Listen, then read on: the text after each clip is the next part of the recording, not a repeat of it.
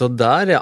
Da har ikke jeg veldig mye kaffe igjen, jeg, Tommy Lande. Fordi eh, jeg, må, jeg skal beklage, jeg glemte, jeg glemte å kjøpe kaffe til deg i dag.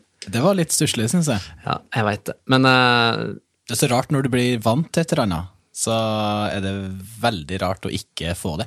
Ja, men det jeg lurer på, for du spurte nå Kan jeg få, kan jeg få smake på kaffen din? Og så tok du bånski på omtrent hele jævla koppen. Ja, jeg tror jeg er kanskje den eneste i hele verden som tar bånski på Jeg føler jo en sånn sort kaffe kaffe sånn som det der, så jeg nesten bare kjører en eh, espresso wise på den. Bare dunk den ned. Ja, ikke sant? Det er kanskje derfor jeg har glemt å kjøpe kaffe, når man ikke setter pris på og nyter det. Det er kanskje det. Ja, men det er bra. Men det er fint, det. Åh, yes.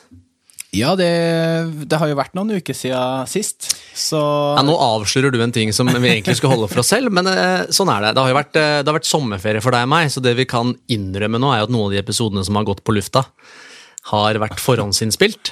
ja. Er det ikke sånn man bruker å gjøre på sånn podkast? Det veit jeg ikke, jeg har ikke drevet med dette før. Men, eh, men det er sikkert det. Men det er i hvert fall veldig gøy og egentlig veldig godt, Tommy, å sitte her nå.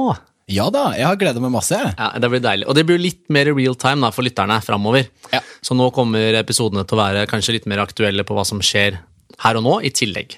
Ja. Jeg er spent på om vi kommer til å være rustne. Sånn mener du? Stemmen er eh, Rusten litt rusten. stemmen og rusten i hodet og rusten i det aller meste. Ja, apropos hodet mitt, det er ikke, det er ikke rustent, men det er, eh, det er blondt. Ja, det kan du se. Det er jo artig greia. Og hvorfor er ikke ditt hår blondt, Tommy? Eh, nei, mitt hår er vel ikke blondt fordi at eh, jeg ikke hadde lyst til at det skulle bli blondt. Skal vi eh, fortelle litt om hvorfor jeg sitter her med bleika hår, og du eh, sitter med ditt vanlige grå hår? Ja, jeg vet ikke hva som er verst av eh, blondt og, og grått. Nei, det veit ikke jeg heller. Nei, jeg, jeg tenkte at jeg måtte um, bevare de, de få, få grå jeg hadde, så det ble, eh, ble lite blondt på meg, altså. Ja, det var jo sånn at jeg, jeg utfordra jo deg. Det her starta jo egentlig med Jeg skal ikke skylde på deg. Det er litt sånn som Ida sier, og hun sier du bruker jo Tommy som unnskyldning for at du har lyst til å bleike håret. Det er helt riktig, og det er akkurat det samme som jeg føler, så takk, eh, Ida. Ja, Men dine følelser er helt feil. Så, Eh, vi er to mot én. nei, det som det starta med, er jo at jeg har jo et eh, cheesy slagord som jeg alltid har hatt siden jeg var liten, fordi mitt store forbilde i alle år har vært David Beckham. Ja ja, men jeg skjønner det, han er det- en fresh fyr. Ja, han var, han var forbanna god i fotball. Jeg sto, det var hans, hans fortjeneste at jeg sto og øvde på frispark husker jeg, nede på Løkka da jeg var liten. Og så uh, Han har alltid vært liksom har alltid vært en sånn foregangsfigur på alt. Både på, i mote, klesveien, hårstil, ikke sant? Ja, ja. Så mitt, ja, så mitt slagord fra jeg var liten blei jo bare 'Kan Beckham, så kan jeg'. og det, det prøvde jeg jo nå. Ja, men har du vært med på alt opp gjennom årene? Nei, jeg har ikke Han vært- har jo hatt ganske mye ville Ja. både hårfrisyrer og farge på håret og litt forskjellige greier. Ja, Nei, jeg har ikke gjort det. Jeg har Noe av det jeg prøvd i seinere tid. da. Jeg hadde jo langt, eller prøvde meg på langt hår for noen år siden. Ja, Så jeg kom en liten stund etterpå. Men det skal sies at da hadde Beckham langt hår samtidig. ja, Ja. Så det som skjedde nå, var at jeg la ut et bilde av Beckham som har da nybleika hår. Han gjorde det pga., etter hva jeg forsto, at sønnen hans har det. Eldstesønnen hans. Ja. Og så la Beckham ut et bilde hvor han også bleika håret, og så skrev han 'Remember boys did it first in the 90s'. og da la jeg ut bilde av han, og så gjorde jeg en liten photoshop på deg og meg, hvor vi begge hadde gulbleika hår. Ja. Og så skrev jeg 'Kan Beckham come vi'? Og da er jeg ikke sikker på om du skjønte at jeg mente alvoret det her. Fordi du var liksom litt med på G og kødda i starten. Ja, jeg, jeg var jo Jeg trodde det var, bare var tull. Jeg hadde jo ikke sett for meg at vi skulle gå all the way. Nei, og Så ble det en liten avstemming på Insta, og det skapte mye, det skapte mye engasjement. Altså, Jeg fikk masse meldinger i innboksen min, og folk som stemte og skreiv. og 'Nå må du få med han Tommy Lande'. Og, Ja, ja, det er bra at noe skaper engasjement, i hvert fall. Ja, det er fint. Men uh, jeg tror nok de det, På et sånn type greie der du har ja eller nei, så føler de aller fleste, i hvert fall når det går ut over noen andre, så trykker de aller fleste ja, for de vil se hvordan det, hvordan det blir. Um, jeg trykker nei, da, bare sånn for å Ja. ja for ordens skyld. ja, det skjønner jeg. Så ble det overvekt ja, da. Jeg tror det var 76% som trykka ja. Og uh, det er jo nå engang sånn da, at jeg har jo den der stoltheten. Så når jeg hadde utfordra deg, så begynte jeg å henge ut deg i sosiale medier. og så kjente jeg at hvis jeg nå trekker meg, Ja. så er det jo jeg som er dusten. Så da var det bare å få det gjort. Så um, da tok jeg kontakt med en som heter Stine Rasmus, som jobber eh, et sted som heter På håret i Rådhuspassasjen. Ja. Hun stilte velvillig opp. Og spurte om hun var med på den utfordringen her, fortalte henne om hva det her gjaldt. Uh, og hun, eh, ja, hun var veldig serviceinnstilt, tok jobben, spurte om eh, jeg var klar. Det var jeg. Og noen eh, timer etterpå, jeg tok vel halvannen til to timer, faktisk, med både klipp, bleiking og hva han kalte hun det, toning, Ja, Så kom du ut som Eminem. så kom jeg opp som Eminem. Ja. Eller som jeg liker å si, David Beckham. så i hvert fall så, så må vi jo, eller jeg vil gi en veldig stor shout-out, eller ukas utrop. Ja. Skal få lov til å gå til Stine Rasmus, som jobber som frisør, på håret i Rådhuspassasjen, for at du gjorde han fyren her til en wannabe Beckham, eller Slim Shady, som jeg fikk kallenavnet på på lørdag. Det gjør du. Takk, Stine. Det setter pris på. Det er veldig gøy å og se Alex eh, med blondt hår her. Og eh, han kommer nok sikkert til å få høre det her resten av livet. Takk. Takk.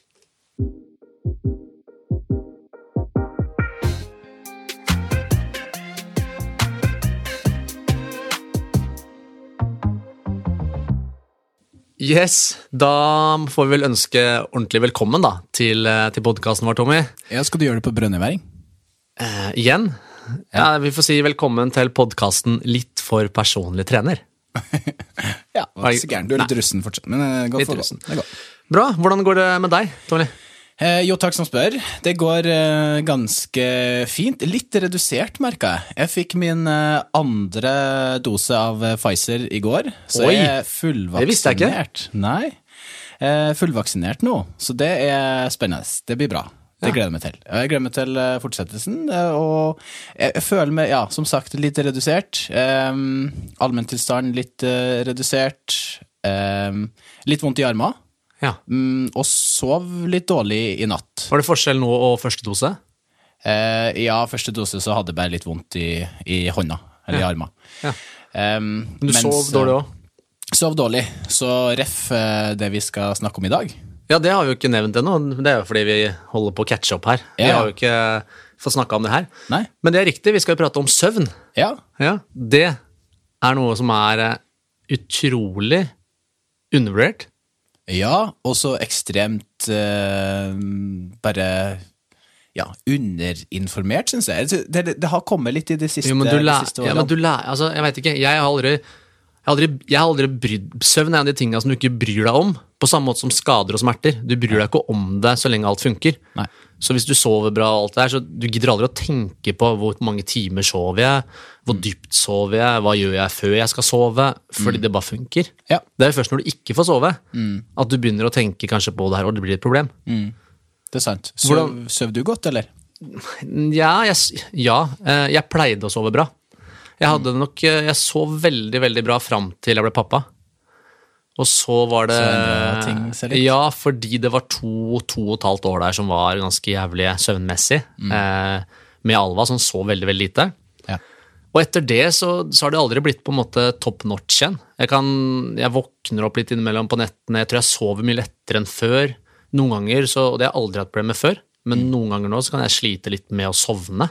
Eh, men sammenligna med veldig, veldig mange andre som jeg snakker med, så sov jeg nok greit. Ja. Hva med deg? Bortsett fra i natt, da. Ja, bortsett fra i natt. Nei, vanligvis så vil jeg si at jeg sover ganske godt. Jeg har jo ingen barn, eh, så jeg har jo ikke så mange andre å ta hensyn til enn Pernille. Og Pernille legger seg jo, hun er jo bestemor Duck, eh, så hun legger seg jo eh, akkurat når slaget slår ni, så skal hun begynne å gjøre seg klar for, eh, for senga. Så, så da blir jeg sittende oppe litt sånn på utover kvelden, for jeg trives Jeg føler meg veldig effektiv sånn på kveldstid, så jeg er litt dårlig. Jeg har litt, litt, litt av lakenskrekk. Jeg går og legger meg litt seint. Men Sitter du og jobber på kvelden, eller? Ja, jeg kan lett sette og jobbe på kvelden. Svare Ja. på litt mail og litt sånt, uten at det nødvendigvis påvirker søvnen så mye, syns jeg. Ehm, men um, ja, så det blir ofte serier til sånn i, i nitida, så går Pernille og legger seg, og så går jeg vel kanskje og legger meg en time eller to senere. Det er, nå snakker vi ikke sånn at jeg legger meg sånn halv tolv-tolv hver, hver kveld, men tippa kanskje halv elleve, nei, halv ja, halv elleve-elleve. Ja. der. Da prøver er jeg å begynne å gjøre meg klar. Vil ikke si at det er seint. Når er det du står opp til vanlig? Ja? Det kommer veldig an på. Det er eh, veldig avhengig av når jeg starta på jobb. Mm. noen dager så starter jeg 06.15, andre dager starter jeg 7, noen dager starter jeg halv åtte og åtte. Så jeg, står vanligvis opp en, ja, rundt en time før jeg skal starte på jobb. Ja, ok, Så du har ikke noe fast eh, at du står opp og legger deg til fast tid uavhengig når du begynner på jobb? Ikke helt, men det er i hvert fall innenfor sånn en time, halvannen. Ok, Det ja. er det. Hva er kaffen der? Litt sånn sur oppstøt med kaffen. Du da, du, du legger det jo ganske tidlig, for at du òg står opp tidlig. Men Jeg er nok eh, da broren til bestemor Duck. Ja. Så Skulle du si fetter Anton, men det blir jo ikke, det blir ikke riktig. Nei. Nei, jeg jeg også legger meg ganske tidlig, for jeg står jo opp eh, Skal jeg være ærlig, jeg står opp lenge før jeg er keen på å stå opp. Ja. For jeg begynner ofte på jobb klokka seks. Tre dager i uka så har jeg PT-kunder seks om morgenen. Og så så tidlig, har jeg en liten reisevei. Det er ikke langt, men det tar 25 minutter å kjøre bil. Mm. Og så er jeg en sånn person som jeg, jeg trenger jo litt tid. Jeg trenger å stå opp, ha litt god tid, sitte og drikke kaffen. Akkurat sånn som Pernille gjør, kan jeg se for meg. Ja, det, Vi har snakket om at hun og jeg er ganske like. dere er ganske like på mange måter. Eh, Så da, tre dager i uka, står jeg opp kvart over fire. Kvart over fire, ja. Ja. Det, det, er ikke, det er ikke det Nei, er jo fortsatt natt. Det er, litt sånn, det er litt interessant, da, vi skal touche inn på alle de tingene her, men det er sånn, folk sier, og jeg får jo både høre at oi, wow, det er imponerende Ja. av noen, og så får jeg høre det er galskap, og det der er bare tull. Um, og når folk sier det er imponerende, så er det sånn Vet du hva, det, det er, jeg gjør ikke det egentlig fordi jeg vil. Samtidig så er det løgn, fordi jeg prioriterer jo å begynne tidlig for å kunne slutte tidligere, for å ha tid til familien. Fordi at det er litt sånn i, i vårt yrke, så må enten må jeg jobbe da de timene tidlig på morgenen, eller så måtte jeg tatt igjen på ettermiddagen kvelden. Det vil si mindre tid med familien, da. Ja. Eh, Og da men- skjønner jeg pri- prioriteringa veldig ja. godt. Så da pleier jeg ofte å legge meg ni. Både jeg og Ida legger oss ofte ni. Det hender vel oftere at jeg legger meg litt seinere enn Ida. Det vil si at jeg eh, Da sover jo egentlig ikke jeg like mye som jeg skal, så det kan vi jo ta litt om etter hvert. Men eh, jeg også gjør litt sånn som deg, at eh, det er de tre dagene jeg begynner klokka seks og står opp kvart over fire. Eh, det er da jeg står opp så tidlig og legger meg så tidlig ofte, og så hender jeg forskyver det kanskje en time nå prøvde jeg å forskyve det bare en time når etter ferien, da. Så jeg skulle stå opp da halv seks da, i stedet for kvart over fire, halv fem. Ja. Da så jeg jo selvfølgelig til halv sju. Så det, og jeg merker jo det i ferier. Jeg våkner jo ikke kvart over fire og sovner ni. Nei. Jeg sovner jo elleve, Ja og så våkner jeg kanskje åtte Mm. eh, av meg selv. Så min, min egen rytme sånn er noe helt annet enn hva jeg har lagt meg til. Så Ja. Men merka du at det er noe negativt med å forandre rytme litt sånn innimellom når, du, når det kommer ferietider? Eh, Det er jo naturlig at vi har ferie, jul og sommer Ja, og påske. nei, så lenge den- påvirkes ting. ja. men så lenge den tiden får lov til å vare litt, så man får tid til å tilpasse seg, da, Ja. så er det jo. Jeg er, jo, jeg er jo veldig glad i å være oppe på kvelden, kvelden for at jeg ikke skal gå glipp av noe. Jeg synes jo det, det skjer masse gøy på, på kveldstid. Og så jobba jo eh, både jeg og Pernille til rundt sju-halv åtte, kanskje hver, eh, hver ettermiddag kveld. Og da blir det sånn at du har lyst til å få litt eh, tid, både i lag og med en dårlig serie på Netflix og litt sånne ting. Så det, da skyver klokka seg. Og jeg har jo alltid tenkt på at Nå trener jo Pernille ganske mye mer enn jeg gjør fra før så eh, det har jo sikkert ikke bare med det her. Men det er litt det samme hos dere òg. Tror du at eh, Ida får så mye bedre resultater på, på trening fordi at hun sover mer enn det du gjør? Korte svaret ja. Ja.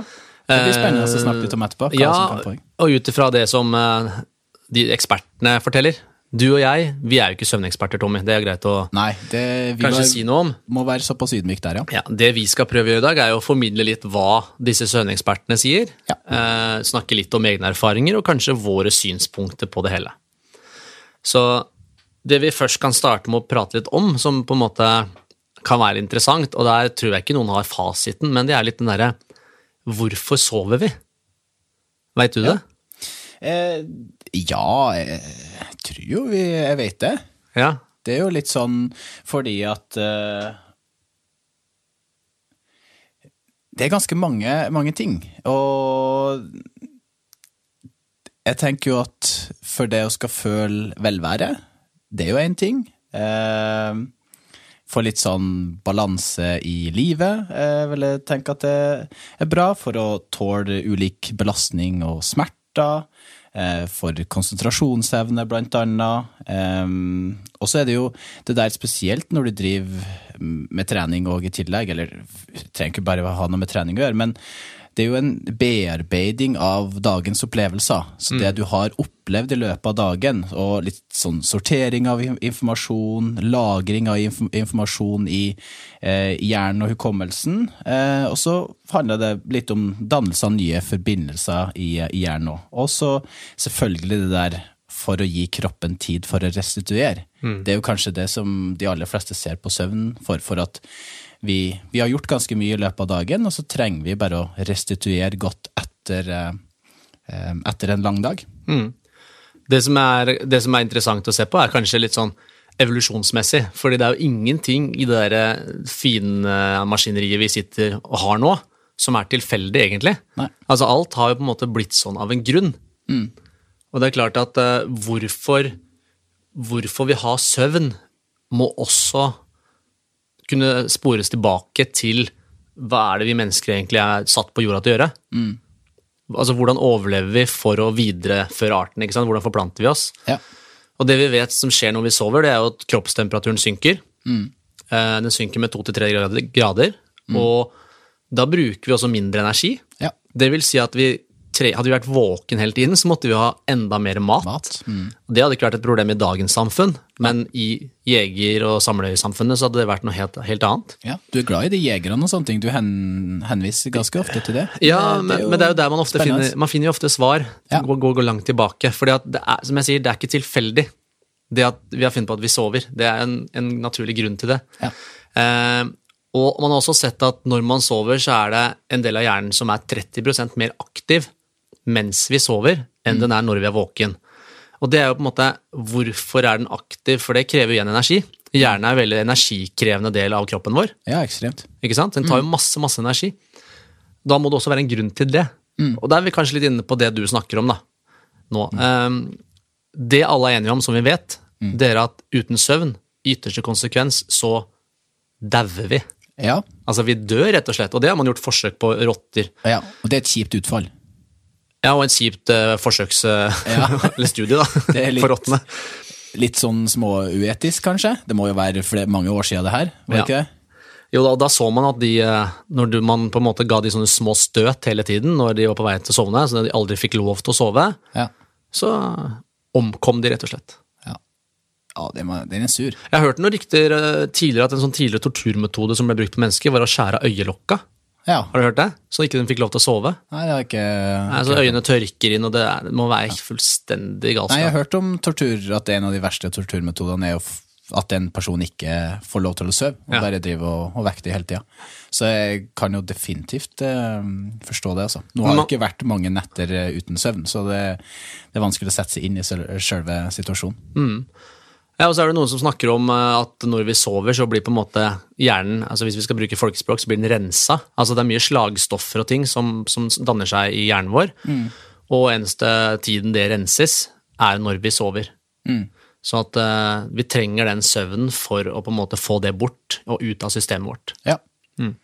Kjempebra. Og når vi allerede, hvis vi da peka vi Vi snakka jo mye om trening i den podkasten her, og jeg tenker jo at søvn er jo desto viktigere for eh, personer som, eh, som beveger seg masse, eh, og som belaster muskulaturen, og som belaster hjernen. og um, bare det å skal ha overskudd og energi til å prestere bedre på trening. Nå snakka vi ikke om det der at har du hatt én dårlig søvn, sånn at du har vært på fem til seks timer ei natt, så vil det gjør at du presterer dårligere. For det er veldig mange som kunne ha prestert veldig bra på trening dagen etterpå, selv om de bare hadde fem til seks timer søvn.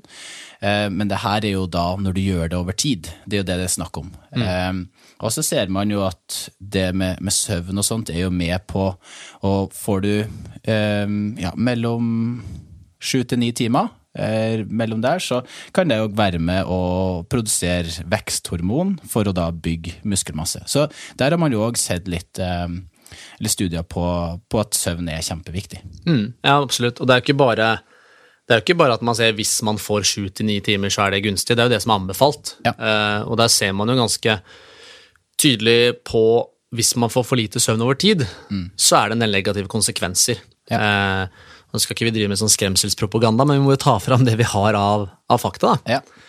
Uh, og det Da snakker vi om under eh, sju timer, gjerne ned mot fem til seks timer. Også når man har gjort en del studier på det og Ja. sett på det. Du nevnte det med prestasjon. Der har vi vel funnet litt forskjellig. Det er vel noen studier som ikke har vist noen, eh, noe fall i prestasjon etter en én natts uh, søvn, med, eller en natt med mindre søvn. Ja. Eh, Og så er det noen studier som viser at etter kun én natt med lite søvn, så faller prestasjonsevnen. Ja. Så det må vel også være Hvis vi tar litt sånn egne erfaringer, da, har du kjent noe på det i forhold til hva du gjør på trening? Altså La oss si du, du driver med crossfit. da. Eh, skulle jeg egentlig gjort noe, men det kan vi ta seinere. men la oss si du skal gjøre litt eh, olympiske løft, og du skal lære deg snatch og alle disse tingene her. da. Sammenligna med La oss sitte på en ergometersykkel og, og tråkke det du er god for. ja. Har du merka noe forskjell på det? Ja, definitivt. Ehm, jeg føler jo eh, fordi at crossfit er såpass teknisk, eller veldig mange av løftene er ganske teknisk, og innenfor gymnastikkdelen av crossfit òg, så det, det, det krever mye energi, det krever mye fokus, det krever mye konsentrasjon. Ikke nødvendigvis bare på den ene økta, men over tid, og da skal bli bedre på den aktuelle øvelsen for eksempel en clean jerk eller en snatch da, som er såpass eh, teknisk, der det skjer veldig mye i løpet av kort tid, så er du avhengig av å ha, um, å være konsentrert og ha mye energi. Um, og, og, og selvfølgelig, men mer da det dagene etterpå. Sånn at For kroppen trenger jo å prosessere det du har gjort, og bearbeide eh, den opplevelsen den fikk. Um, og det her vil jo da være med å påvirke at du kanskje blir litt bedre dagen etterpå, og at teknikken din blir litt bedre og litt mer effektiv hvis du har fått en god natts søvn, sånn at kroppen og hjernen din har fått danna de her nye forbindelsene. Så jeg tenker at søvn har kjempemye å si når det kommer til sånt. Eh, ja, og det, det som er kult, da, det er jo når jeg, vi snakker om eksperter, En av ekspertene som jeg refererer mye til overfor mine kunder, er han som har skrevet boka Why We Sleep, Matthew Walker. Den er bra. Veldig bra.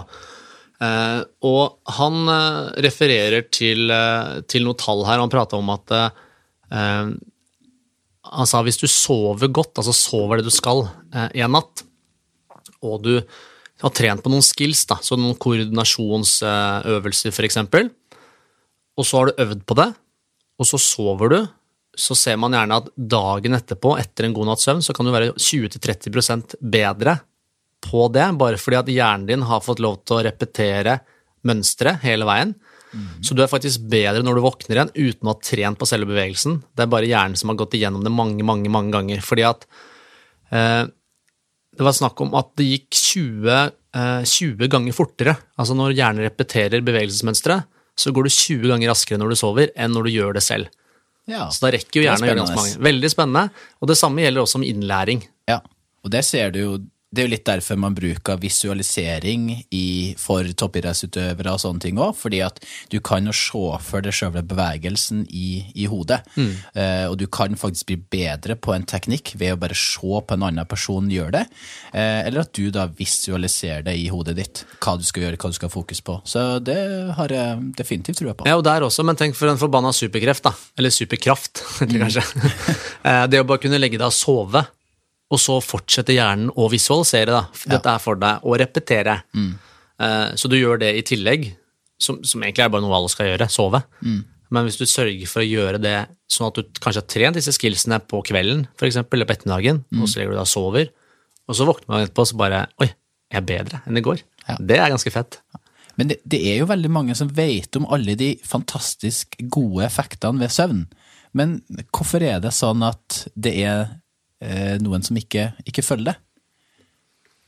Hva tenker du? Ja, jeg tror, altså, jeg tror mange veit om de fantastiske man hører om det. Eh, så tror jeg ikke alle er klar over kanskje alt når det kommer til de negative konsekvensene. I tillegg så skal vi sitte her og begynne å skylde litt på samfunnet, det kan vi også gjøre. Eh, som, som ikke, kanskje ikke legger til rette helt for hvordan vi mennesker eh, optimalt burde ha levd da når det kommer til søvn. Eh, så vi skal, kan prate litt om det etter hvert med lys og sånne ting. Ja.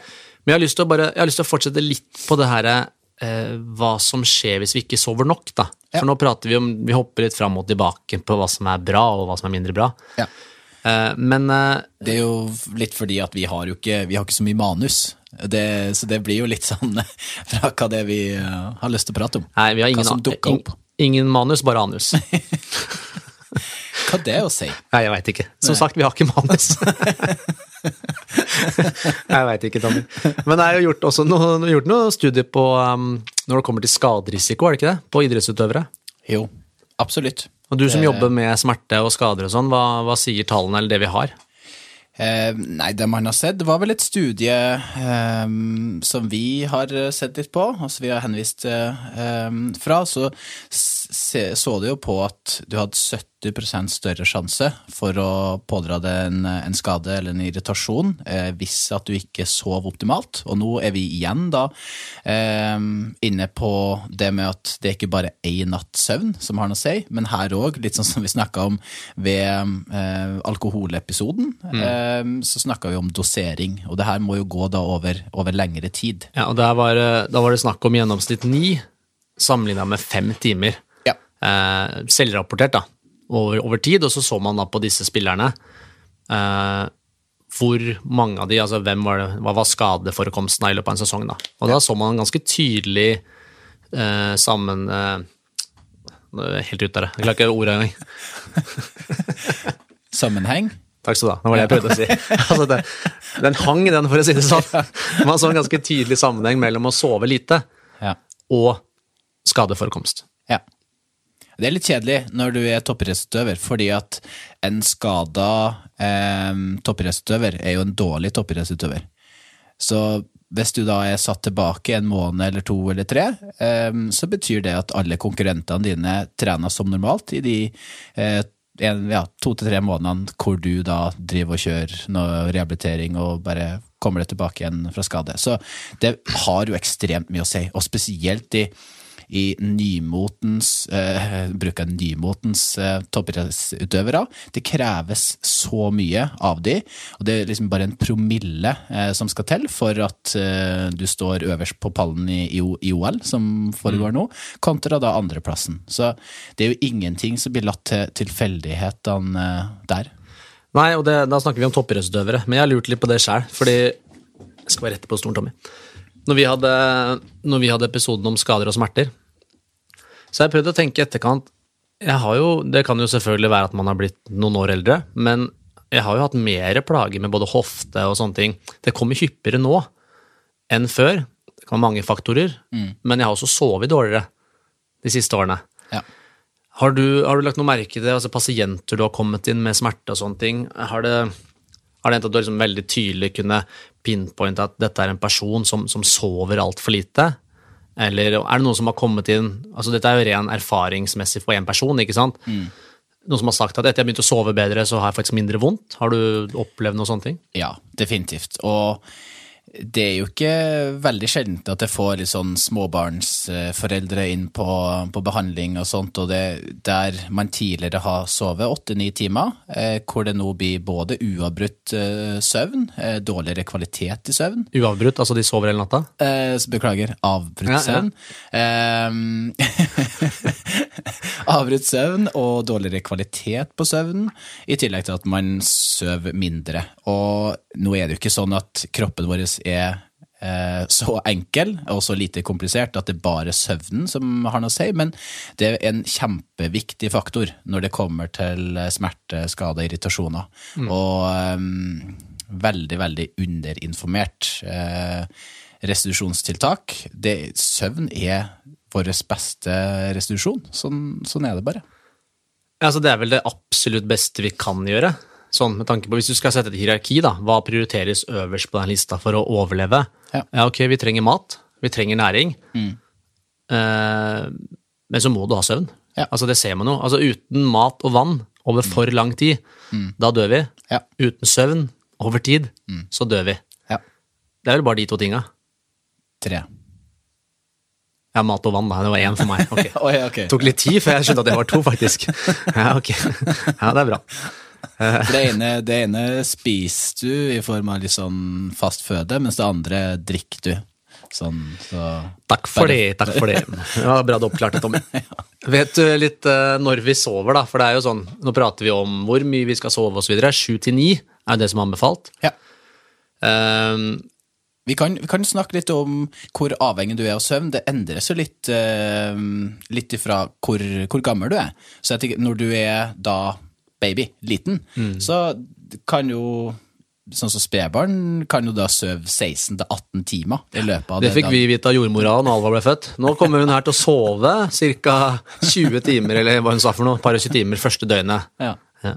Så etter hvert dag som, som da den her, det, her eh, spedbarnet da blir eldre, så kreves det jo litt mindre søvn. Og så blir du jo til slutt voksen, da.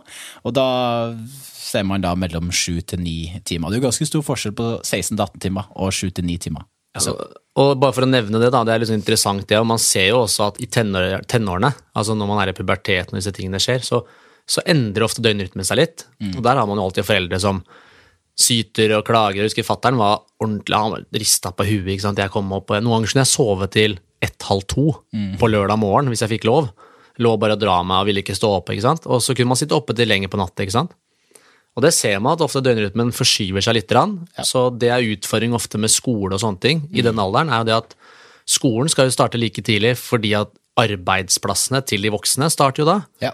Da må jo skolen starte omtrent like tidlig. Eh, Men når da døgnrytmen har forskjøvet seg litt, og man ikke får sove for kanskje klokka er tolv, da, mens eh, mamma og pappa legger seg halv elleve, Ja. så er det klart at da er du halvannen time etter, og så skal du stå opp Hver like, dag. hver dag, og skal du stå opp like tidlig. Det er jo ikke optimalt, men jeg tror, det er vi inne på det vi sa i stad, litt av utfordringa er strukturen i samfunnet. At uh, vi prøver egentlig å få mennesket til å tilpasse samfunnet, i stedet for at det er tilpassa oss biologisk. Da. Ja. Absolutt. så det er litt interessant å, å snakke om det, og så får vi se om jeg blir like oppgitt da når Alva blir tenåring og hun skal sove lenge. Ja.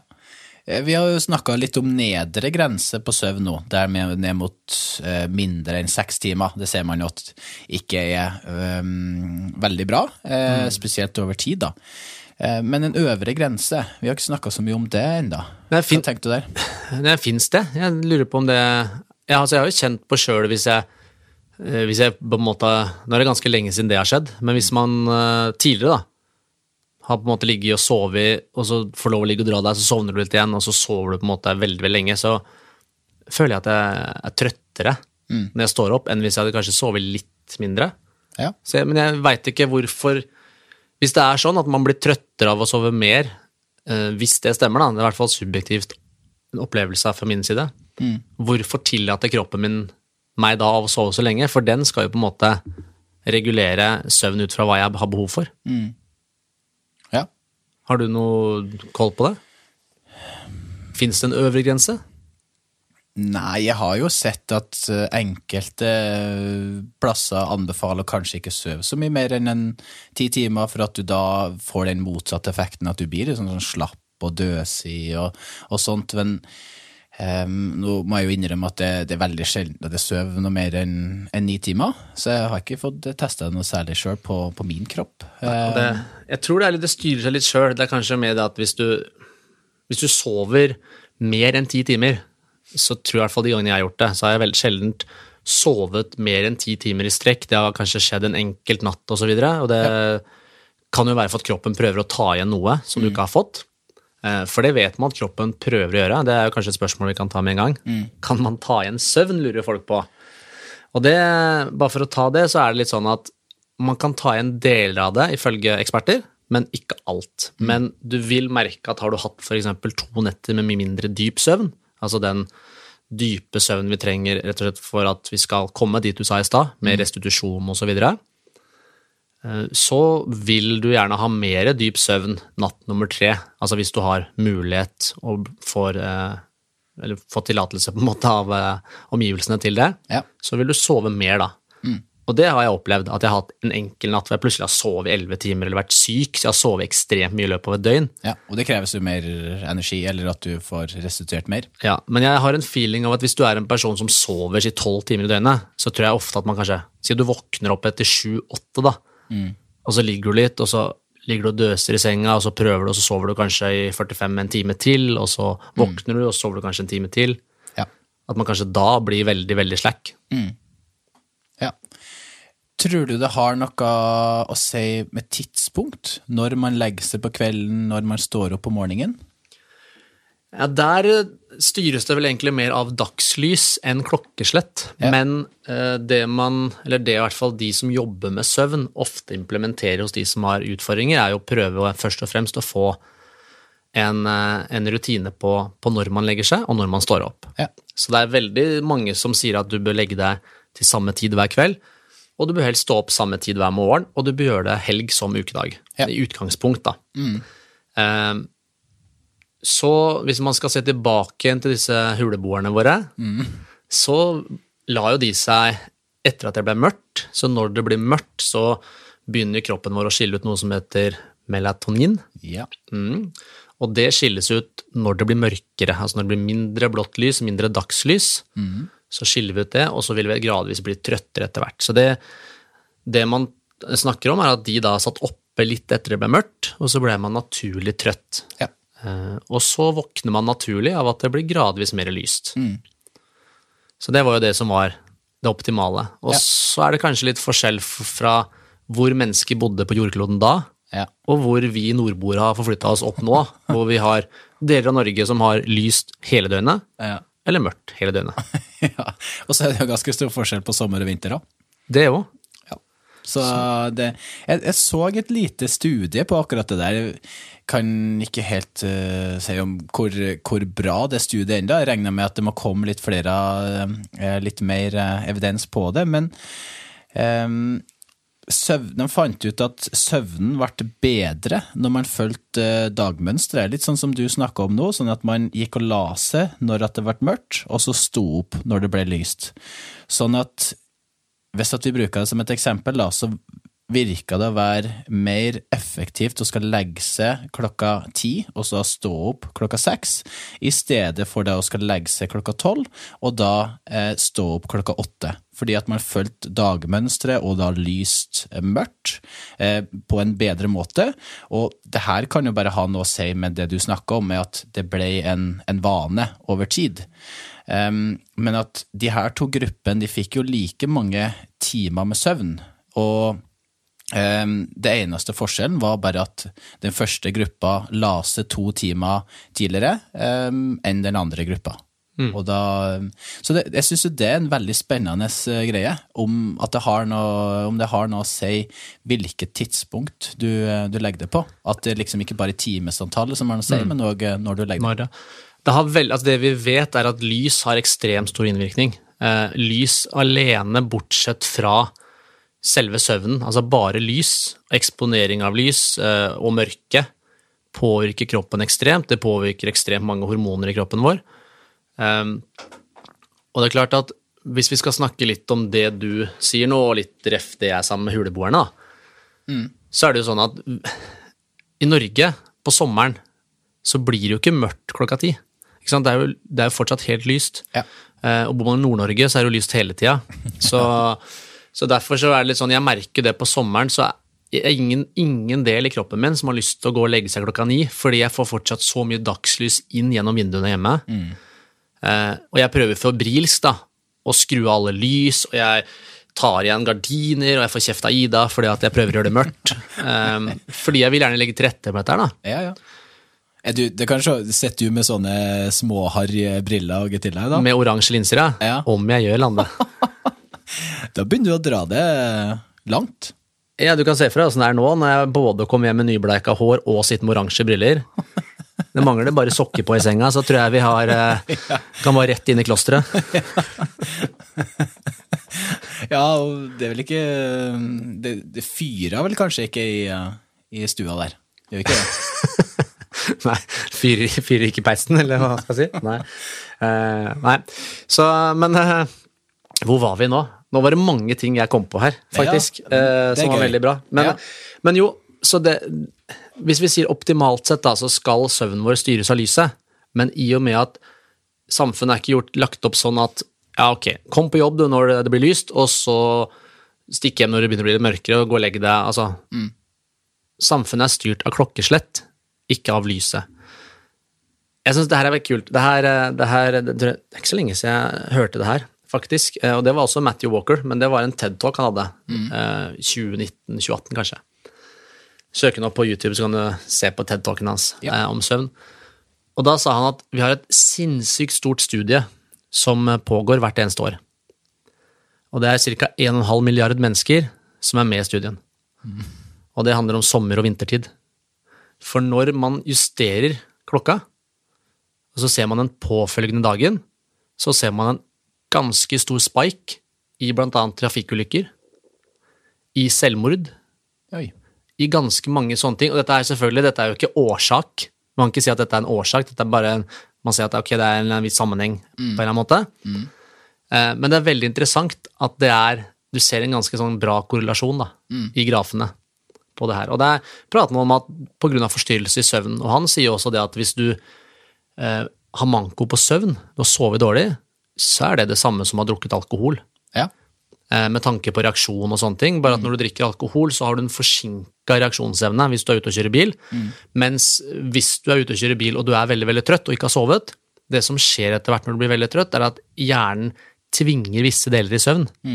Så på en måte deler av hjernen din kan, være, kan sove selv om du er våken.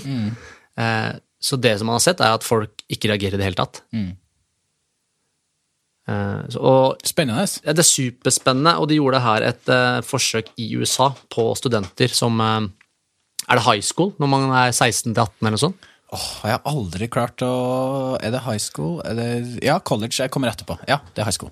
High school, ja. Eh, der tok de også endra eh, starttiden på, på når skolen starta, fra fem over åtte til fem på ni. Altså tenåringer. Og i USA så har man jo lappen når man er 16. Ja. Og det som er sjukt, de gjorde det her i ett år. Det året så var det en dropp i, på bilulykker da, på 70% I den aldersgruppa. 70, ja. Fordi man så at ungdom, altså at trafikkulykker blant ungdom er veldig veldig høyt representert Ja. eh, der. Så 70% dropp, og jeg tror de sa at eh, når ABS-bremsene kom, så var det en dropp i 25% eller sånn, og da sa man at det var et mirakel.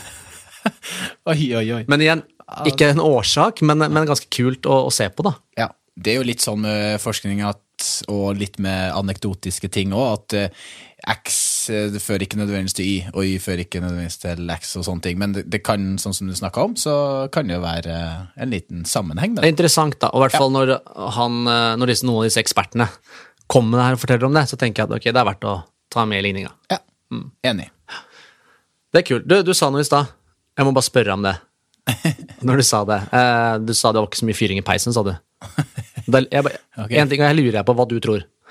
Du har to valg. La oss si eh, du begynner å bli trøtt, du veit du kan klokke inn åtte timers søvn. Ja. Eh, så du har valget mellom å sove ja. eller være lenge oppe og ligge. Og kanskje du sover bedre etter å ha ligget. Hva gjør du da? Åh, det var rett på sak. Ja, for jeg lurer. Er det, Ja. er det bedre å ta den tida det tar da? Så selvfølgelig forskjellig fra folk til folk, og sånn. Det kan Ja. jo være alltid fra tre kvarter det til to timer, eh, eller to minutter. Det spørs kanskje. Men, Eller 20 sekunder. ja. Eh, Men la oss si at det, det gjør ofte at man blir avslappa, i hvert Ja. fall. Ja. Tror du det er bedre? Altså, for det veit jeg ikke. Tror du at rett ut da, tror du hvis man har sex og får en orgasme, at det øker kvaliteten på søvnen? Det lurer jeg på. Ja. Eh, Har du hørt noe om det? Nei, jeg har faktisk jeg har ikke hørt noe om det. Jeg har ikke det. Og jeg har eh, Hva, skal jeg si, da, med egne erfaringer. Alt skal ikke baseres på det heller. Men eh, jeg kan ikke si at jeg har sett noe Men sover du, sover du bedre hvis du liksom får eh, Ja, jeg føler kanskje det. ja? Ja. Ja? Det er bare litt sånn interessant hvis vi skal snakke litt etterpå om Ja. strategi for å sove bedre. da. ja. Men på kveldstid så er man jo så sliten fra, fra før av. Ja, det er det jeg mener. Så det til, litt mer tiltak og skal Der, og det er der det ligger. Så hvis du er trøtt, og egentlig så er du keen på å sove, ja, men så har du kanskje muligheten til ok, hvis jeg gjør dette her, Prester litt. kanskje, så, kanskje kvaliteten min blir bedre. Jeg mister, Si si du mister 20 minutter, da, bare for Ja. å ta det. da. Ja. Med hele pakka, liksom. Jeg veit ikke. Kom an på. Ja. Men si du mister 20 minutter, eh, og så blir du på en måte litt våken når du holder på, men så tenker man at jeg får bedre kvalitet selv om det blir færre timer. Ja. Jeg bare lurer på hva man skal prioritere der. Jeg, Ja, Har du kommet frem til noe? eh, det var bra ordspill. Nei, jeg vei- veit ikke, faktisk. Eh, Vi må få inn en ekspert en gang, så kan vi stille sånne spørsmål. For jeg har mange sånne spørsmål jeg Ja, lurer på. ja, det er kult. Det må vi, må vi prøve å Du får eh, i oppgave å finne en eh, søvnekspert. Ja, jeg skal gjøre det. Hvis vi skal gjøre ferdig da, litt av det vi vet om faren, for å si det sånn, av å ikke sove nok, så kan vi jo nevne også at man ser økt risiko for hjerte-karsykdommer. Og man har også funnet økt risiko eh, for visse kreftformer. Da er det brystkreft, tarmkreft og prostatakreft som man har sett på. Og det man prater om der, er at man ser en reduksjon i disse eh, killer cells, kaller man det på engelsk. Eh, det er jo celler som på en måte er en del av systemet vårt, immunforsvaret vårt, og som på en måte angriper eh, bl.a. kreftsvulster og sånne ting. Så man ser at en reduksjon der. Eh, og at det kan være årsaken da, til det. Ja. Så man, det er en del ting man skal ta med seg. Og igjen, dette er jo da over tid. Ikke at du får hjerte-karsykdommer eller kreft fordi du sover dårligere en natt, men over tid, da. Ja. Mm. Jeg synes det, nei, det er viktig å få belyst litt av eh, det der òg. folk, ikke alle, eh, responderer veldig bra på, på ei gulrot. Så av og til så kan det være fint da å skal få litt sånn slengt litt i trynet hva kan skje hvis at du, du ikke prioriterer det her. Så ja, jeg tror det, det kan, være, kan være lurt å både se de positive effektene ved at du sover nok og bra, eh, i tillegg til å få informasjon om hva kan skje hvis at du ikke gjør det. Bra. Og hvilke flere positive effekter har vi? Vi har snakka om innlæring, hukommelse. Eh, Jeg hørte en pod Snakka litt om veksthormon Ja. og prestasjon på trening. Jeg hørte en podkast med han som er svensk mester i det som kalles minnesport i Sverige, altså hukommelse. Ja. Eh, og en søvnekspert i Sverige òg, som prata veldig om det at hvis du skal lære noe, så er det veldig smart å sove rett etter du har øvd på det du skal lære. Så la oss si du skal øve til en gloseprøve da, eller noe annet, eller lære deg et språk. ja. Så er det kjempesmart å sove okay. rett etterpå. Så enten da at du sitter og øver på dette på kvelden, som du sitter og jobber litt, Ja. og så sover du, eh, eller tar en nap. ja. Og det er litt sånn kult, for jeg husker det var litt sånn skambelagt nesten, fordi alltid når jeg har sittet når jeg var yngre og satt og leste, enten var på skolen eller studerte og var på lesesalen på NIH, jeg sovna alltid mens jeg studerte. Det var litt sånn kjipt når du satt på lesesalen. Du vet, du sitter først sånn rett opp og ned, og så blir du litt sliten, og så setter du deg med haka inni hånda, Ja. og så legger du deg ned på albuen, og så skal du lese sånn på sida mens du ligger. Klassisk. Og så bare sovner du, og så våkner du av at boka smeller ned i pulten. Ja. Og da har du på en måte fått en powernap. ja. Og da kjente jeg alltid etterpå ok, liten pause nå, dødtrøtt, inn igjen, nå er jeg klar. Og da var det akkurat som at nå hadde jeg reset alt sammen, så nå var jeg klar. Og jeg gjorde det ofte på rommet hjemme når jeg satt og leste. Jeg gikk og la meg i senga, satt på timeren, så jeg begynte med powernaps ganske tidlig. Eh, slår du et slag for å få det her inn i skole, skolegangen nå? Powernaps. Ja. Ja, vet du hva, vi hadde faktisk Vi har jo det i barnehagen. Vi hadde faktisk en lærer som var helt fantastisk barneskolen. Altså, han praktiserte mindfulness på oss uten å vise det. Vis, Oi. Ja, eh, hvor vi lå på gulvet, og vi slappa og vi gjorde bodyscan, og vi gjorde øvelser der vi skulle spenne musklene, slappe av, altså spenning og avspenning. Eh, og ikke så sjelden følte avslapping etterpå til at mange av oss sovna i sånn to-tre minutter, Ja. og så ble vi vekt. Og når vi da våkna og var klare for neste time igjen, ja. så var vi jo energi. lys, masse energi, lys våkne. Spennende. Det var en bra lærer, da. Veldig bra. Så du, det jo Masse kudos til Jørn Fransen. Skal jeg ta, eh, nå skal jeg ikke ta i her, men det er jo ganske mange år siden du var i barneskolen. ja, Det er jo hva, samtidig som Moses gikk i barneskolen. omtrent det, Tommy. Rundt Takk for det. Men det med powernaps kan vi jo slå et lite slag for. Ja, eller Ja, jeg gjør det ikke så mye, da. Men uh, du gjør det. Du kan slå et slag for det. Vet du hva jeg gjorde i stad før jeg kom hit? det du tok en powernap, sikkert. Vet du hvor? Eh, I bilen, kanskje? Helt riktig, i, i garasjeanlegget på Myrens. jeg skulle egentlig trene. Ok. Og så fant jeg, ok, I dag har jeg såpass god tid, fordi jeg, alle kundene er ikke tilbake fra ferie nå. Så kjente jeg jeg er så trøtt. Så veit jeg ikke om det er en sånn psykologisk greie, fordi jeg drevet og forberedt meg til denne søvnepisoden. Ja. Jeg kjente bare nei, fuck it, jeg er nødt til å Jeg må slappe av. Så 15 minutter på timeren, Ja. sette tilbake, og så veit jeg ikke om jeg sov i fem minutter eller ti minutter eller noe sånt. ja. Ja, man har jo sett at de powernapsen litt sånn tidligere på dagen, kanskje hvis du tar det litt sånn ut mot sen ettermiddag og kveld, så kan det ha litt negativ påvirkning på, på søvnen din, men å ta det litt tidligere på dagen, rundt lunsjtid og sånt, så vil jo det være, være en ypperlig ting hvis at du er, er veldig, veldig trøtt. Men da, da, er det jo snakk om litt sånn 15-20 minutter, litt sånn nøkkelknipe. Ja, maks, maks 20. Ja. Eh, du vet Thomas Edison? Ja. Han som sa vi lærte at han fant opp lyspæra, men jeg vet ikke om det stemte helt. Ja. Men uh, han, uh, det er visst noen bilder han det sa altså Han pleide å sitte i stolen sin på, på ved pulten sin mm. med en sånn klinkekule eller sånn jernkule i hånda, og så hadde han ja. en bøtte under. Ja. Så han står det, da. Så han pleide å sitte med hånda sånn, og idet han slapp den Så står ja. Du har vært i Forsvaret. Ja. Og du har sikkert sittet, uh, sittet i vakt på noen fyrvakt. jeg har ikke sittet så mye fyr... Ja, ja, Primus. På, ja, ja, på den i hermetegn helvetesuka. Ja, vi gjorde det på rekrutten, husker jeg. Ja, inni, det ja, ja. inni, inni teltet der, så skulle I, du sitte med der, Midt i skogen. Ja, sitte med primusen, og så skulle du passe på den. Ja. Så hadde man ulike Fyringsvakt, ja. ja. Og da satt jeg, husker jeg satt med hendene over. Så idet øynene glapp og jeg, hendene begynte å gå ned, så brant jeg meg jo, så da måtte jeg holde meg våken. Så satte jeg hendene over igjen. Det er jo samme prinsipp, da. Ja. Heldigvis fungerte systemet som det skulle, så jeg trakk til meg hendene. ja, det er bra, da. Nei, men absolutt powernaps. Mm. Det um... Jeg brukte masse. Ja. Brukte før trening som uh, pre-workout. Ja. Apropos uh, liten sånn uh, Kjørt ut til treningssenteret der jeg bor, på Vinterbro. Vært litt småtrøtt, lagt mm. meg i bilen, kjørt et kvarter, og så inn på trening. Følte det, du har følt at det fungert hver, hver gang? Ikke nødvendigvis hver gang, og noen ganger føler jeg meg liksom, Man føler seg litt sånn groggy noen ganger når man våkner. Det er ikke sånn at du våkner av en powernap, og så Bare, ja. Ikke sant? Du er, jo, du er, jo litt groggy og litt sliten. Det som er viktig når du tar en powernap, det er som du sier, det skal ikke overstige de 15-20 minuttene, kanskje til og med mindre. Mm. For da blir man jo sliten. Det tror jeg det er mange, kanskje, hvis vi kaller det feiler, da. Ja, litt fordi at du ikke vil havne i den dype søvn? Ja, og det er derfor jeg sitter i bilen, altså, jeg legger, hvis jeg legger meg på sofaen, Hjemme så er det så fort at du ringer, og så åh, snur du deg rundt, litt til, og så er det plutselig time og halvannen på sofaen. Ja. Da begynner du, ofte kan det påvirke nattesøvn, i hvert fall hvis det er seinere på dagen. Mm. Men ja, jeg slår et stort slag for powernaps, eh, og jeg vet at det er ikke alle som har evnen til å sovne hvor som helst. Nei. Men har du det, og har du muligheten, og så syns jeg absolutt alle arbeidsplasser skal tilrettelegge for muligheten til powernaps midt på dagen. Ja, ok. Det er min mening. Spennende.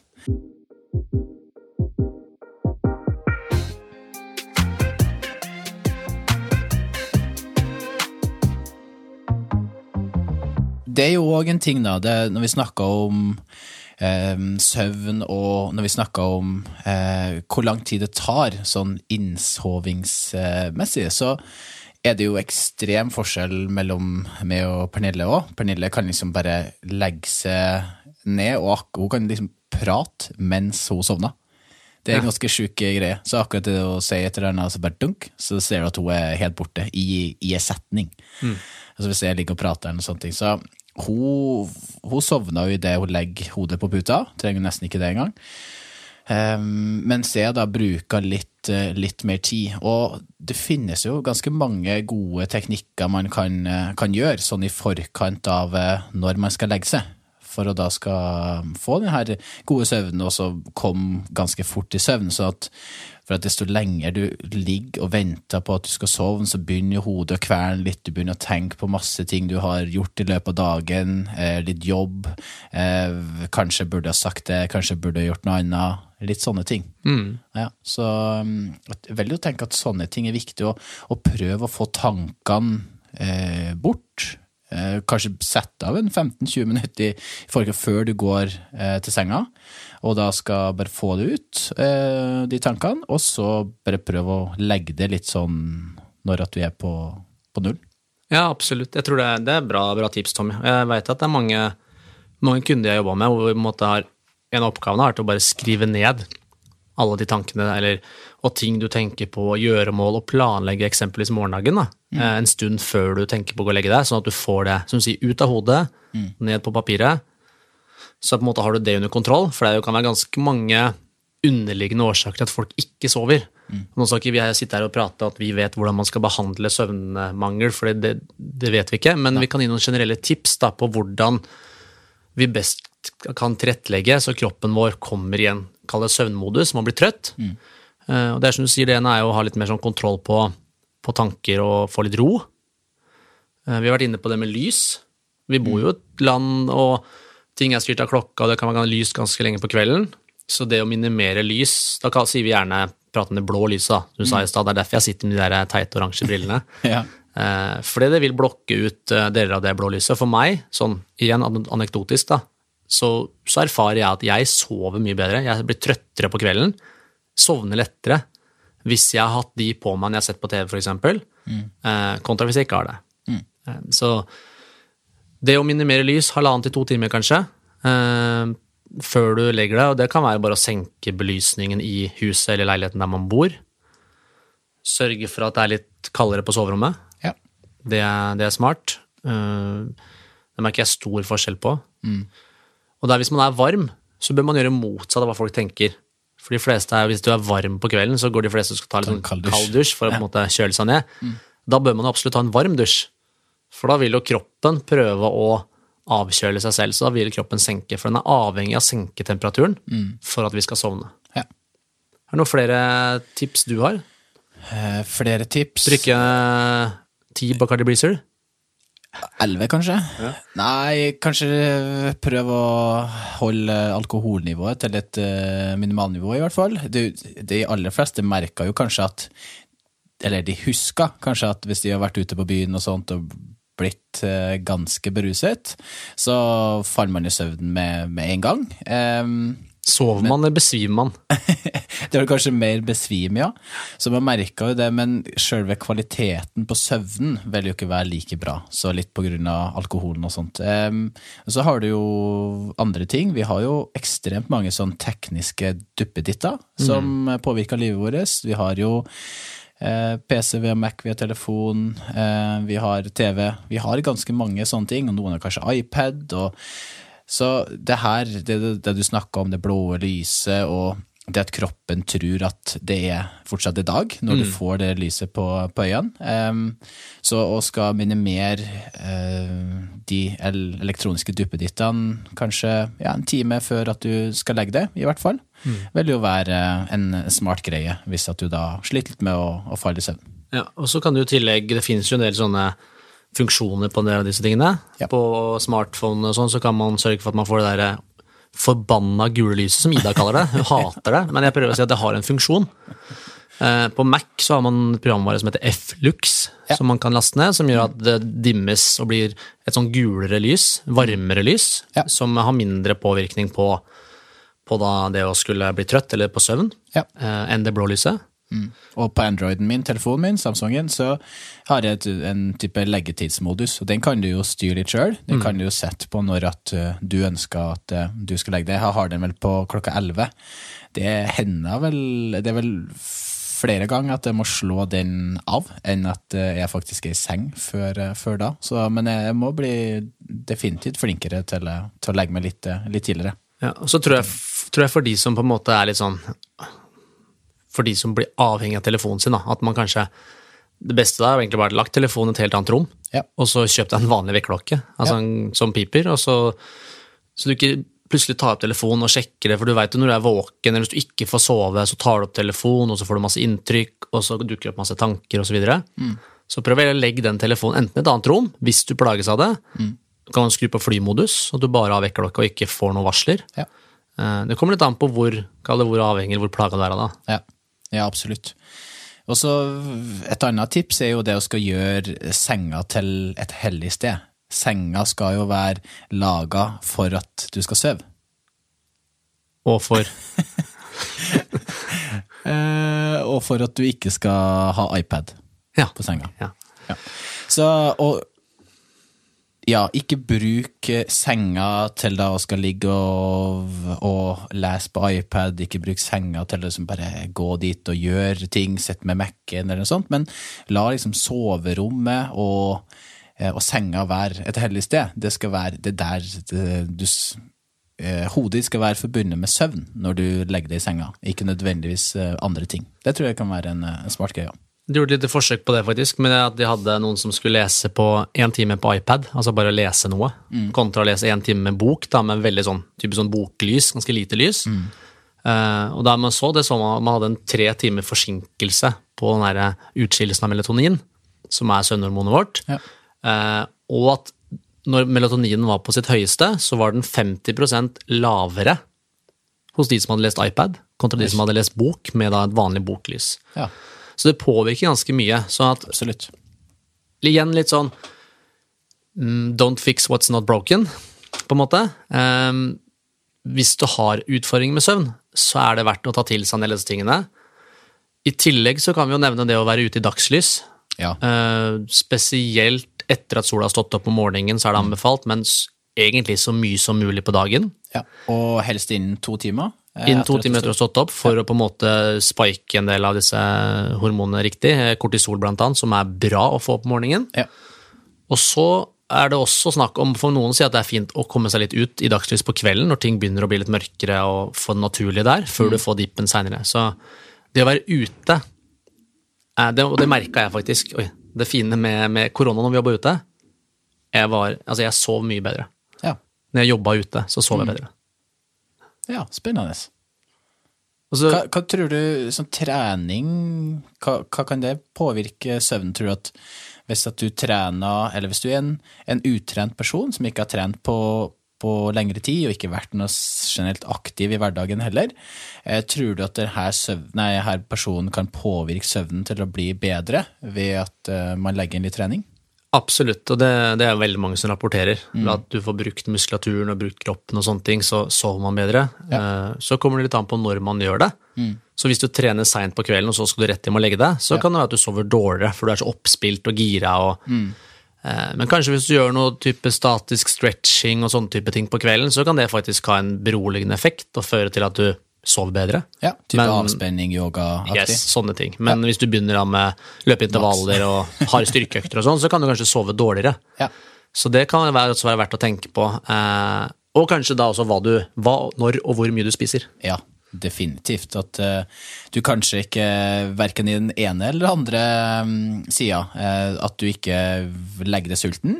Um, det er jo det ene. Og at du da ikke um, spiser det helt stappa rett før du skal legge deg. Eller for at eh, kroppen da driver og jobber med det her mens du skal, skal sove. Så verken det ene eller andre, men at du har spist et eh, greit måltid i, i ok tid før du skal legge deg. At du verken går sulten eller at du er stappmett. Kjedelige rådet som alltid kommer. Ja. Ikke for sulten, ikke for mett. Ikke for full, ikke for edru. Alle de her. Midt imellom. Midt imellom. Eh, bare skyte inn der, Tommy. Du nevnte alkohol, da. Men ekstremt mange som tar seg det ene glass vin for de kjenner åh, jeg slapper av, jeg, da sover jeg så mye bedre. Og det er som du sier, kanskje du sovner lettere fordi du er litt Alkohol er det som du nevnte, bedøvelsesmiddel. Eh, men kvaliteten på søvnen blir dårligere. Så man ser jo at pulsen ofte er høyere og sånne ting. Eh, vi nevnte så vidt det var derre Når vi sover, da, så var det liksom ulike faser. Ja. At du har dyp søvn, og vi har rem-søvn, altså rapid eye movement, Ja. og ikke rem-søvn, da. Eh, og så har vi litt ulike faser av rem-søvn, som er 1, 2, 3, 4. Ja. Veldig oppfinnsomt, eh, egentlig.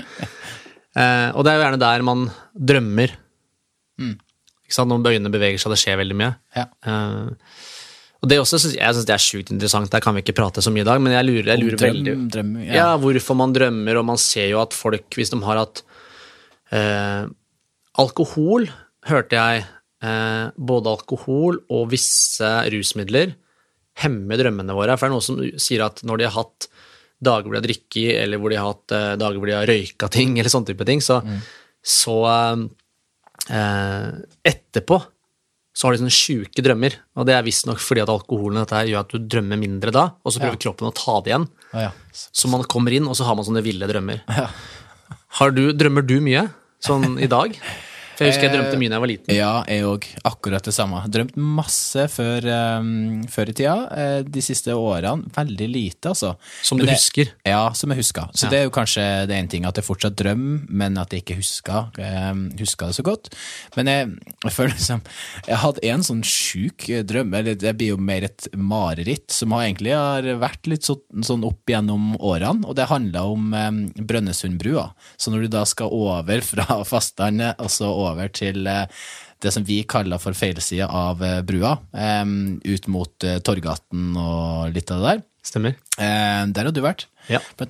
Så har jeg drømt ganske mange ganger at det er men det, det har jeg ikke drømt på mange år nå, da, men at eh, kjørt over der, og så på en eller annen rar måte klart å komme meg igjennom eh, sikkerhets... Eh, de som står opp. Ja. Um, kommer vi gjennom det, og så egentlig bare forut med, med bilen ned i, i havet.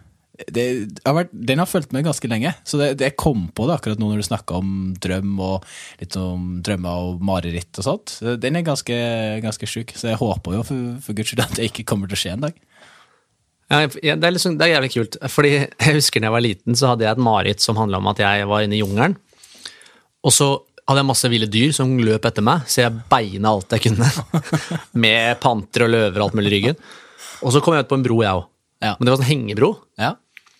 Uh, og så Første gangen jeg drømte, eller jeg husker jo da jeg våkna, så husker jeg at jeg drømte at jeg snubla på broa og gikk på trynet, og så falt jeg utfor en sånn foss.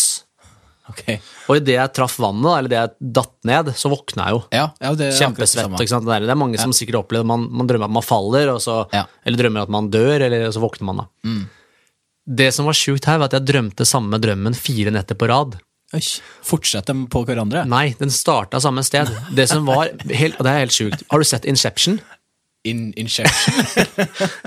ja, With sett, Sean Connery. Jeg har sett Inception, ja. Ja, ikke, med, ikke med Sean Connery, men Yes, my good sir. Ja. Nei, men i hvert fall, altså Jeg visste at jeg drømte. Så det var sånn, Jeg sto inne der, jeg husker natt nummer to. Og det er, sikkert, det er ikke sikkert at jeg husker dette her, men jeg husker at jeg har fortalt at jeg husker det. Så det kan jo være at minnet har endra seg. ja. Eh, men om det var natt to eller tre, eller hva det var Men jeg, flere netter på rad der, hvor jeg sto inne i skogen, de samme jævla dyra kom løpende etter meg, så beina jeg alt jeg kunne til broa, og så hoppa jeg utfor. Ja. Jeg tok selvmord i drømmen fordi jeg visste at hvis jeg bare hopper utfor nå, ja. så forsvinner jeg ut av det. Herregud. Da kommer jeg på en måte til et nytt nivå, eller da våkner jeg. Og det her gjorde jeg flere netter på rad. Ja, Ja, det var helt ja, det er ganske sjukt. Så når jeg husker jeg så da Inception, så tenkte jeg sånn Ja, men det, kanskje det er noen, noen Kanskje man noen ganger bare Man drømmer at man drømmer. For det har jeg også drømt. Ja. Jeg har drømt at jeg har drømt, våkna opp, er fortsatt en drøm, og så våkner man opp igjen. Ja.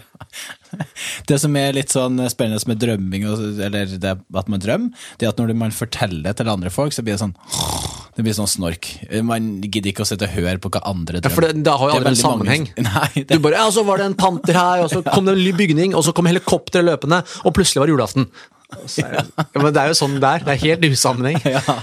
Så det er jo litt snork å høre på andre sine drømmer. Så jeg tror vi kan hoppe videre til eh, neste tema. Ja, Vi skal ikke snakke mye om det. Men, men drømming Men jeg, jeg syns jo det er litt artig. Ja, men Det er veldig interessant, da. Ja, det det. Eh, og det er også en grunn til at man drømmer alt dette her. Så igjen, vi er ikke drømmetydere og drømmeeksperter, så vi skal ikke ta det. Men jeg, jeg syns drømmer er, det er kult, da.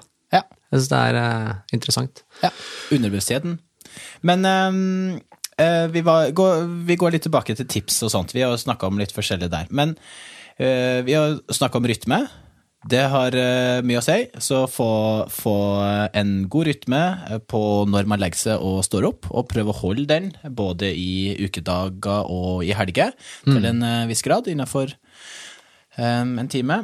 Um, så det, det vil jo være et, eh, et bra tips, tror jeg. Mm. Og så kommer jeg på én ting til som er greit å ta med seg for de som Eller for alle egentlig i dagens samfunn med tanke på problematikken, er jo at mindre søvn fører til eh, at vi senker altså metthetshormonet vårt, leptin, og øker sulthetshormonet grelin.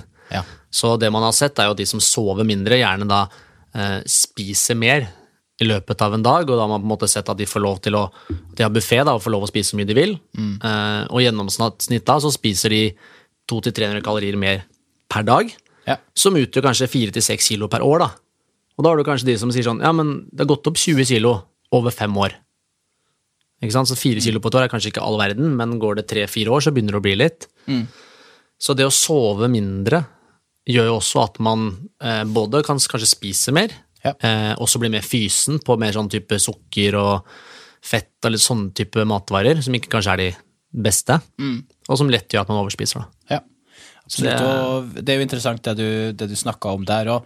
det var jo òg et uh, studie um, som så på det med de negative effektene som ha, uh, Negative effektene på um, på hva, hva skal jeg kalle det, nå glemte, glemte navnet, men kroppsmasse Lukter. Kropps, nei, ikke kroppslukta. Kropps, så, kroppsmasse. Kroppsmasse var det jeg ute etter. Som muskler og fett. Ja, i riktig. Um, og det her var jo to grupper som var satt på samme diett um, over en, en litt lengre periode. Og man hadde ei gruppe da som, som sov eh, vanlig. Um, så det var over åtte, åtte uker. Så vi hadde ei gruppe da som sov helt vanlig. Uh, og så hadde man da en annen gruppe som sov mindre. Det var da under, eh, under seks timer.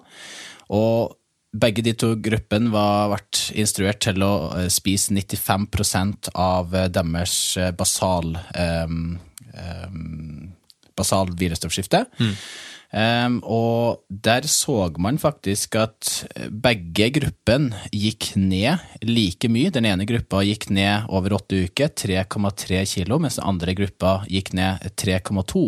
Men det som er litt spennende med studien, det er at eh, kroppsmassen, eller hvor eh, vekta ble tatt fra, var veldig stor forskjell eh, fra de to gruppene. Så den gruppa som da sov eh, normalt, og sov den, de antall timene som de vanligvis gjør, eh, de fikk en nedgang i 80 eh, fett, og da bare 20% ned i eh, lean mass. em, som da er muskulatur og litt, eh, litt forskjellig. Mens den andre gruppa hadde motsatt, det vil si at de mista 84% av lean mass og bare 16% av fett. Så Wow. da ser man jo da ved, ved type overvekt, når man da skal gå på, på diett, og det er, no, det er nok litt kort tid. Eh, Åtte uker er nok ikke et langt nok perspektiv på, på å skal ha en studie, men eh, jeg syns jo sånne ting er litt spennende, fordi at det, der ser du òg hvor viktig søvn er, når at man da skal gjøre andre ting, at man, man da skal legge i underskudd for at man har lyst til å gå ned i, i vekt, eller eh, ja, i fettprosent. Så Ja, begge to litt- gruppene gikk jo like mye ned. Det var bare hvor andelen kom fra. Nei, det er sjukt interessant. Hvis du tenker på, Siden du skal prioritere, da, du vil ned i vekt, og du tenker at jeg må bevege meg så mye som mulig og bruke så mye energi som mulig, og så står du kanskje opp tidlig da, for å, for å gå en tur eller jogge, så kanskje hadde du hatt vel så god effekt av å bare sove en time lenger. Ja. Rett og slett fordi at søvn er så viktig. Så når, Du vet at når man sier sånne ting, så kommer alltid noen til å bruke det og si sånn Ja, fint, da, jeg, da dropper jeg bevegelse, og så sover jeg. Så Det er jo ikke det vi snakker om, men hvis du får for lite søvn, så er det veldig dumt å nedprioritere den i enda større grad for å trene eller for å bevege deg, for søvn er veldig viktig. Mm. Det er en ting som jeg tar opp med alle nye kunder jeg møter. Så er liksom, det er fire ting jeg jobber etter med kundene mine. Det ene er jo da trening, ikke sant? Pleier å beskrive det her som en stol som man sitter på med fire stolbein, Ja. hvor man har trening som nummer én, og så har man kosthold som bein nummer to, og så har man søvn som nummer tre, og stress som nummer fire. Ja. Hvis du begynner å kappe noen av disse beina, så begynner du å sitte ganske skeivt etter hvert, og til slutt sitter du på gulvet. Så de fire påvirker jo hverandre. Så søvn er veldig, veldig viktig. Så det er litt sånn viktig å ta med seg. Det er noen som blir litt overraska kanskje når man kommer til en PT, da. Og så er det sånn, du trener mye fra før av, du spiser jo egentlig ganske greit. Du stresser ganske mye og sover dårlig. Og det man starter å jobbe med da, er kanskje ok, kan vi få inn noen vaner som gjør at du klarer å sove bedre, eller. Eller håndtere stress bedre, f.eks. Ja. Og det er det som vil ha størst effekt på, på treningsresultatene, ikke det at man skal pushe seg enda mer på trening, eller spise enda, kall det sunnere i gåsetegn, eller mindre eller mer. Så Ja, for sover du da litt eh, dårligere over tid, så eh, selvfølgelig så, så kommer jo den toleransen på kanskje muskulatur og ledd og sånne ting, den kommer til å, å senkes litt, sånn at det er det er jo en større risiko for å pådra seg skader, og veldig mange pusher gjennom det her og bare tenker at det, det kommer til å ordne seg, det kommer til å ordne seg. Men så er det til slutt eh, bare et eller annet som, som sier fra, og da, da snakker vi om det her glasset igjen, sånn som vi var inne på, på den skadeepisoden, med at når ting fylles opp, og det kan fylles opp ved at du spiser litt dårlig og, og lite, det kan være at du eh, trener for mye, det kan være ganske mange påvirkninger, eh, men at du òg legger til at du sover dårlig, dårlig kvalitet på den, eh, få timer, så selvfølgelig vil det ha mye å si på regnestykket. Så det vil jo gjøre at du bare fyller litt mer i, glasset hele veien, og til slutt så renner glasset over. Og um, kanskje du får skaden da gjennom en markløft og begynner å kjenne det i ryggen, men at det kanskje ikke var markløften som da var årsaken til at det faktisk eh, skjedde, men at kanskje det var fordi at du har sovet veldig dårlig. Og det er jo ofte et spørsmål jeg bruker å og spør kundene mine om i forkant av en PT-time eller sånt. For det, dagsform er jo veldig individuelt, og det er jo veldig øh, sånn Enkelte dager så har du kjempebra dagsform, andre dager så har du litt dårlig dagsform. Så det å skal spørre personen da om ok, hvordan kjennes det ut nå, har du sovet bra, har du stressa lite? Eh, ok, ja, jeg har gjort det. Så de øktene der kan jo være mye tøffere, mye hardere enn f.eks. økter hvor personen nettopp har blitt eh, pappa eller mamma. Eh, og så sove en fire-fem timer og avbrutt og sånt. Og mm. da må du kanskje påvirke treninga litt på grunn av det. Så mm. jeg tror det har mye å si. Du, jeg kom på jeg skal ta en ting, og så skal vi skal Eller jeg skal ha to ting, og så ja. skal vi rappe opp her. Ok. Ja. Uh, det dukka opp noe opp i huet mitt nå. Vi snakka om søvn og uh, framgang på trening. Dette her er kun til alle gym bros. Så denne her skal, den skal trademarkes. Vil du bli grov, sov. Hæ? Hva syns du? Var ikke den bra? Ja, ja, ja, Og så er det, det er, en ting som jeg syns er veldig kult, er uttrykket 'sov på det'. Ja. La oss sove på det. Mm. Det uttrykket fins ekstremt mange land. Ja. Eh, datert. Ja, datert ganske langt tilbake. Kan du på spansk? Eh, no. no, senor. Nei da, så Men Og det funker jo. Sånn, man er jo Skal ikke være mindre ærlig å si man, man er jo uh, i et forhold. Det er ikke alltid uproblematisk til enhver tid. Det hender jo man har utfordringer der, eller det hender man er stressa pga. ting på jobb, eller det hender at uh, Tommy og Alexander er uvenner. Nei, hender ikke så ofte, men, men det å sove på ting mm. og så på en måte, Vi sover på det, og så mm. kan vi ta opp tråden i morgen. Ja. Uh, og det ser man også, at når søvn er med på å gjøre at vi håndterer emosjoner, altså følelser, bedre. Ja. Uh, og ekstremt viktig da i forbindelse med sånn som med folk som sliter med mye kall det mørke tanker og følelser, altså depresjon, så ser man også at søvn er veldig viktig. Ja. Men det å sove på det må være et av de beste rådene du kan få. Mm. Utfordringa selvfølgelig er klart at hvis du, hvis du er kjempestressa pga. noe, og så får du beskjed 'sov på det, det er bedre i morgen', og så får man ikke sove. Ja. Eh, men uansett, en av de beste setningene som har eh, overlevd tidens gang, det er Sov på det. Sov på det.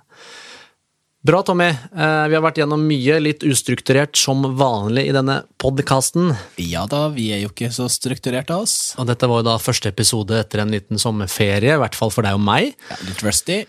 Men vi kommer jo til å være her hver uke framover, vi. Ja da, og jeg gleder meg. Jeg syns jo det her er kjempeartig. I begynnelsen så var det litt sånn uh, småskummelt, det var litt rart. Brukt ekstremt mye energi. Jeg merka at jeg var så sliten etter ja. innspillingen av de første podkastene. Og brukt bare så ekstremt mye mer energi. Nå syns jeg det er blitt veldig gøy. Ja. Jeg synes det, bare, det er bare jeg og du som sitter og prater litt og har det gøy. Ja, vi har det gøy. Ja, Så vi satser på at det er et par andre òg som har det litt gøy, og som kanskje kan bruke det her til noe vettugt. Skal vi oppfordre lytterne våre til noe? Fordi det er to ting jeg har lyst til å oppfordre lytterne til. Ja. Det ene er hvis du hører på podkasten vår og du syns den er verdt å lytte til, hjelp oss veldig gjerne med å spre podkasten, fordi vi ønsker å nå ut til så mange som mulig med budskapet vi har. Vi håper jo at vi har noe fornuftig å komme med, i tillegg til all søppelpraten vi kommer med. eh, og i tillegg, hvis du har spørsmål Vi har lyst til å ta igjen og ha ukas spørsmål fra eh, lytterne våre. Mm. Så hvis du har noen spørsmål, det kan være hva som helst, still dem gjerne til oss, så skal vi ta de opp i podkasten. Samme er hvis det dukker opp ting dere vil vi skal gjøre. Og folkens, Tommy skylder meg en liten sånn challenge nå, syns jeg, da, i og med at jeg gjennomførte og bleika håret. Jeg veit du ser rart på meg, Tommy, men jeg mener det. At du Ja. skylder meg en liten en. Eh, så, det- Ok. så muligens blir det en ny Puma-tatovering på, på landet her innen kort tid. Vi får se. Men kom gjerne med, med innspill til utfordringer, ting vi kan gjøre, eller selvfølgelig spørsmål, ting dere lurer på. Send de på Instagram-kontoen vår, som heter da litt for personlig trener. Ja, Og hvis eh, folk ikke har Instagram, Og hvis de ikke har Instagram, da kan de også kontakte Tommy Lande eller Alexander Aalerud på Facebook Messenger, for Ja. eksempel. ja, Ja, det går helt fint. Vi er, eh, vi er tilgjengelige, og vi skal prøve å svare så godt vi kan. kjempebra. Og hvis at dere er fornøyd, som vi håper på, så gi oss gjerne noen stjerner. Det, og kanskje aller helst fem, da, hvis at du Det var, hørte du det? Det rimte. gjør det. Gi oss gjerne en stjerne. Ja, ok. Så um, det har mye å si for oss også, og vi elsker jo engasjement. Vi blir jo engasjert av at andre er engasjert, så det vil jo da gi enda litt mer liv til den podkasten her. Helt klart. Litt for personlig trener. Yes. Tusen takk for at du lytter, og vi høres neste uke. Yes, vi leter at dørene. Vi etter døgnet. Yes. Bra. Takk for i dag. Takk for i dag. Ha det.